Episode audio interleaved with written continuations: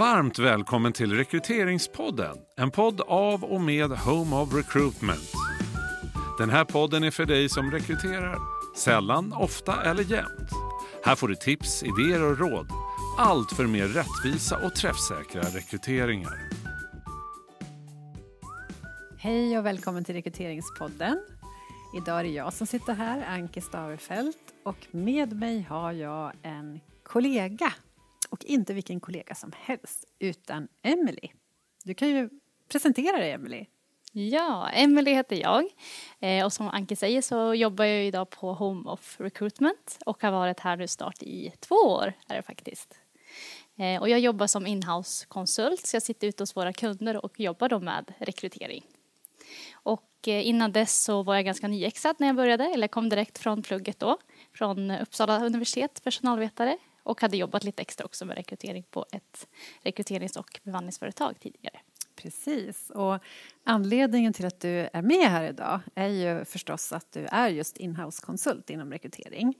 Och vi vet ju att det här är ju rent generellt en stor trend eh, att, man, att många bolag som vill ta hem, många verksamheter som vill ta hem sin rekrytering och jobba just inhouse. Och eh, vi vet också att det är många eh, rekryteringskonsulter som också är nyfikna på hur är det att jobba på insidan med rekrytering jämfört med att vara konsult. Då. Så det finns, tänker jag, många vinklingar på det här med att jobba inhouse med rekrytering. Och därför så bjöd vi in dig till podden, för du har ju liksom blivit en expert på det här numera kan man säga. Att sätta dig in i nya uppdrag och sådär, för du har ju du kan ju berätta hur många uppdrag har du varit ute på hittills? Ja men exakt, så det här är mitt tredje uppdrag nu då. Precis, och då har det ju varit några månader eller ännu längre i en verksamhet och sen en, ytterligare en till och sen är det här då din tredje. Exakt, ja. det stämmer. Ja. Toppen! Och då skulle jag vilja börja med att fråga, äh, fråga hur, alltså, vad är det som är bra då tycker du? Vad är, det, vad är det som gör att du uppenbarligen tycker att det är kul att jobba inhouse med rekrytering? Ja men exakt. Nej, men jag tycker att det är en fantastisk möjlighet att få jobba ute hos kunder med rekrytering som jag såklart brinner jättemycket för. Eh, men också den här möjligheten att få se olika organisationer, olika industrier och liksom allt som där kommer där till med liksom olika roller, nya människor. Så att det är liksom, man får liksom så mycket av att få se så mycket nytt, tycker jag. Mm. Och det skiljer sig åt ganska mycket va? utifrån din erfarenhet av de här tre olika verksamheterna?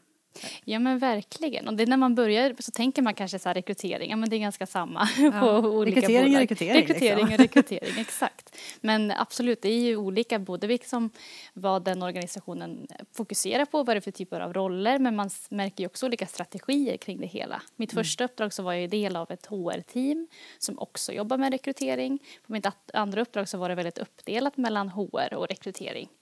Eh, och man tar ju med sig liksom nya saker från varje del. Det finns ju liksom inte en perfekt plan när det kommer till rekrytering. Så det tycker jag är superspännande att få se, se lite olika vinklar på det hela. Mm.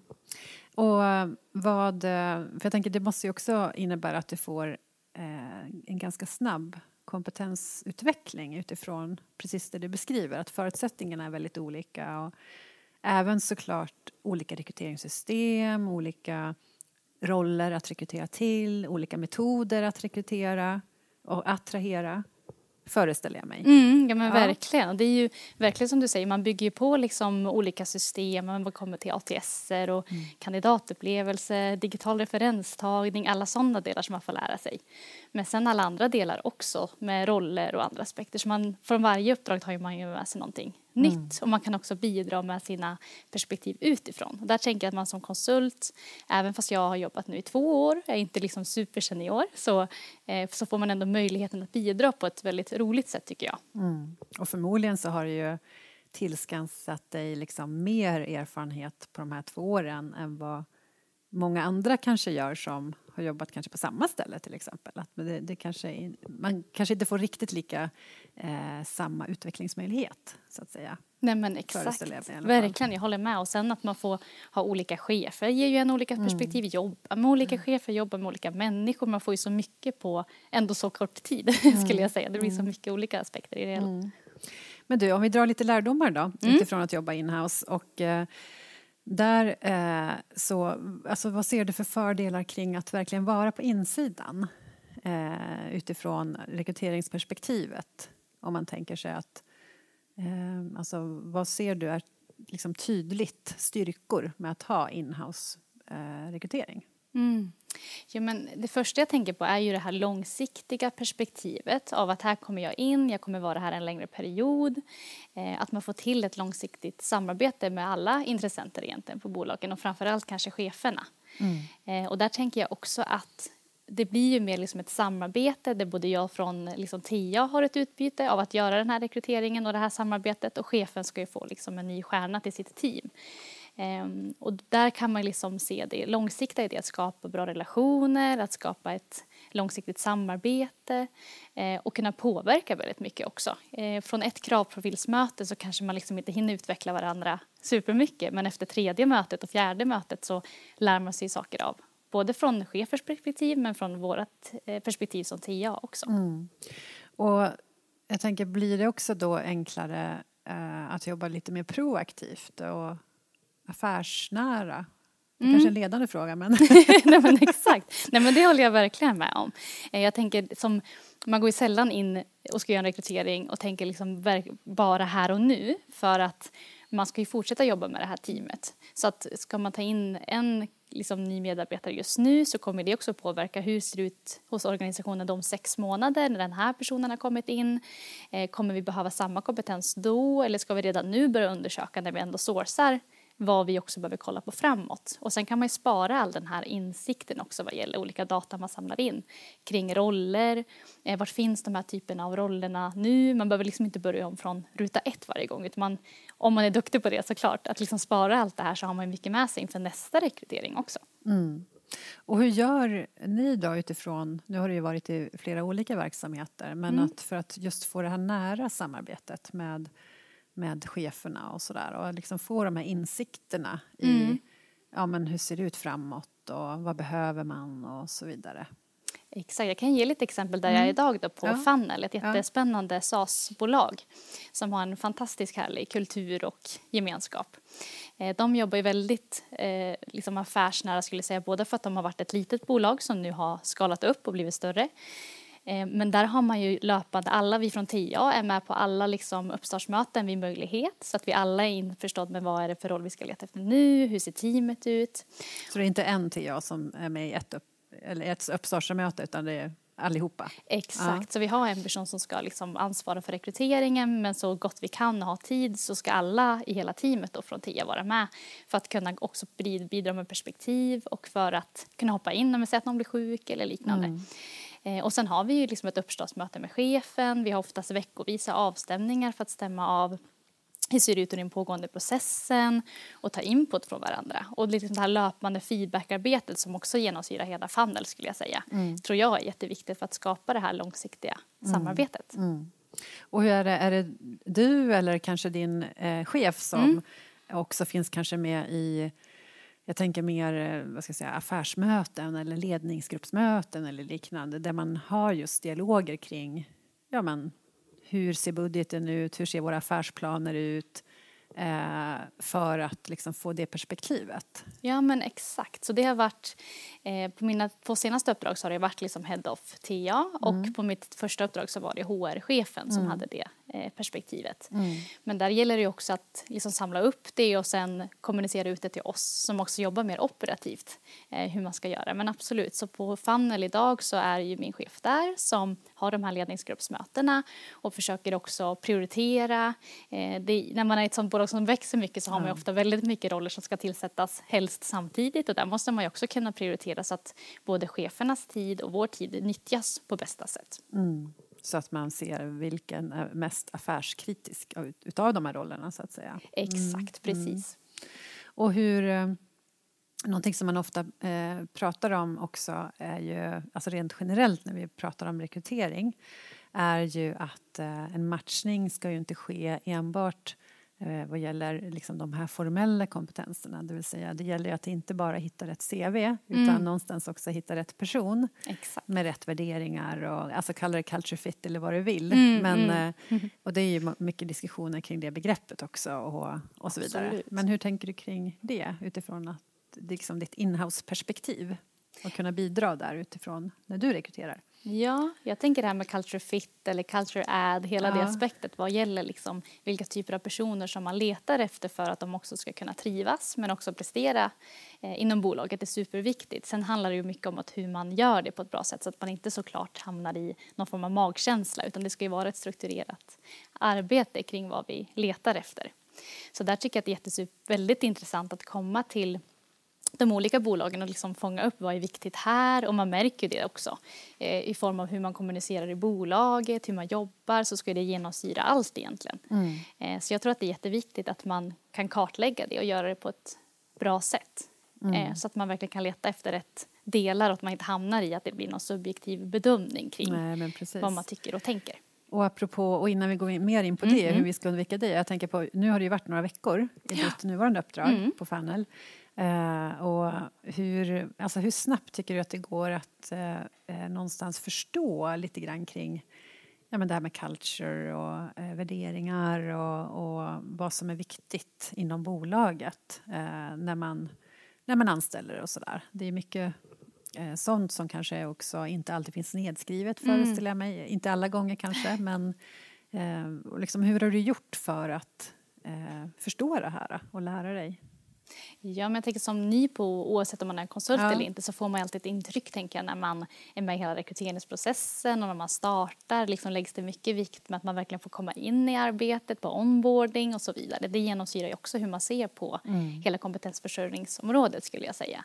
Eh, och sen tror jag som TIA, så, eller Talent Acquisition, att man kommer in så så måste man ju såklart, liksom, det är ju nästan det första som jag frågar efter för att det är också det som är så himla intressant. Vad är det jag behöver fokusera på här? Som konsult förväntas man också komma in väldigt fort och liksom börja jobba och göra, liksom, komma igång med arbetet. Eh, så att, eh, där, där tror jag att det är viktigt också att man får en eh, bra liksom, grund i vad det faktiskt är. Man måste ju också kunna switcha fokus lite grann, att gå från eh, sitt tidigare uppdrag till det här uppdraget. och liksom, Klä på dig en ny kostym. Ja, precis. Lite så. Eh, så att jag tycker Funnel har gjort, nu pratar jag mycket därifrån i och med att det är där Ja, men är idag. Men Ja. de har gjort ett väldigt bra arbete med att faktiskt kartlägga och göra intervjuer med deras medarbetare. Vad är faktiskt viktigt här för att trivas och kunna prestera bra? Och sen har man liksom skapat då ett strukturerat arbete med vilka attribut är det egentligen? Eh, Det kan vara till exempel coachability, att man är öppen för feedback men också vill ge feedback till sina kollegor.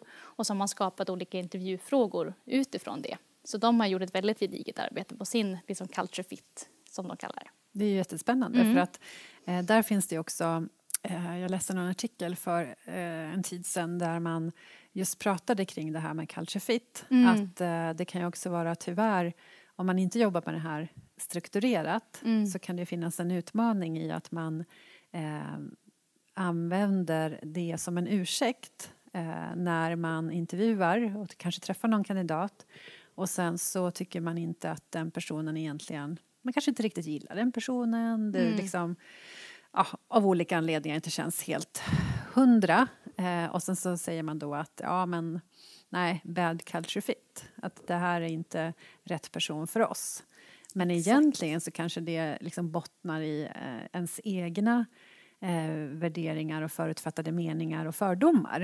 verkligen. Eh, och den artikeln tycker jag var så intressant därför att där hävdade man att eh, det är självklart så att man måste jobba med eh, värderingarna och allt det här på ett strukturerat sätt om man vill utvärdera det i en rekryteringsprocess.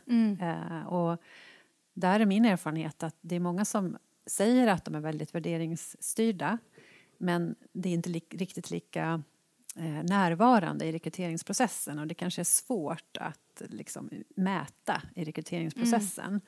Eh, så att där har ju uppenbarligen Funnel då gjort ett strukturerat arbete för att kunna eh, ja, men, faktiskt intervjua kring det. Mm, verkligen. Så att då betyder det alltså att man har, om jag förstår det hela rätt, man har eh, beskrivit de här eh, beteendena egentligen då, eller? Exakt, på beteendenivå. Så att man har beskrivit hur är en person då som ligger högt på det här med coachability Ja. till exempel. Och sen har man tagit fram intervjufrågor och testat dem också i viss mån och sen så har man tagit fram hur svarar då en kandidat utifrån det vi söker och det vi inte söker och vad ska jag lyssna efter när jag ställer den här frågan till kandidaten. Just det. Mm. Och det här är ju någonting som då är, och det är flera olika parametrar, eller kompetenser då, eller Precis, ja. exakt. Och det mm. bottnar ju deras värderingar som de också har mm, tagit fram. Mm. Och där tycker jag också att oftast har ju ett bolag värderingar som också genomsyrar liksom i säljperspektiv exakt. och hur man kommunicerar utåt. Eh, om det är ett sånt typ av bolag. Och där vill man ju få ihop det alltihopa tänker jag. Mm. Att det vi kommunicerar utåt ska ju också vara det vi rekryterar på sen. Ja, mm. så att det stämmer från insidan och ut. Ja, men exakt. Ja. Ja.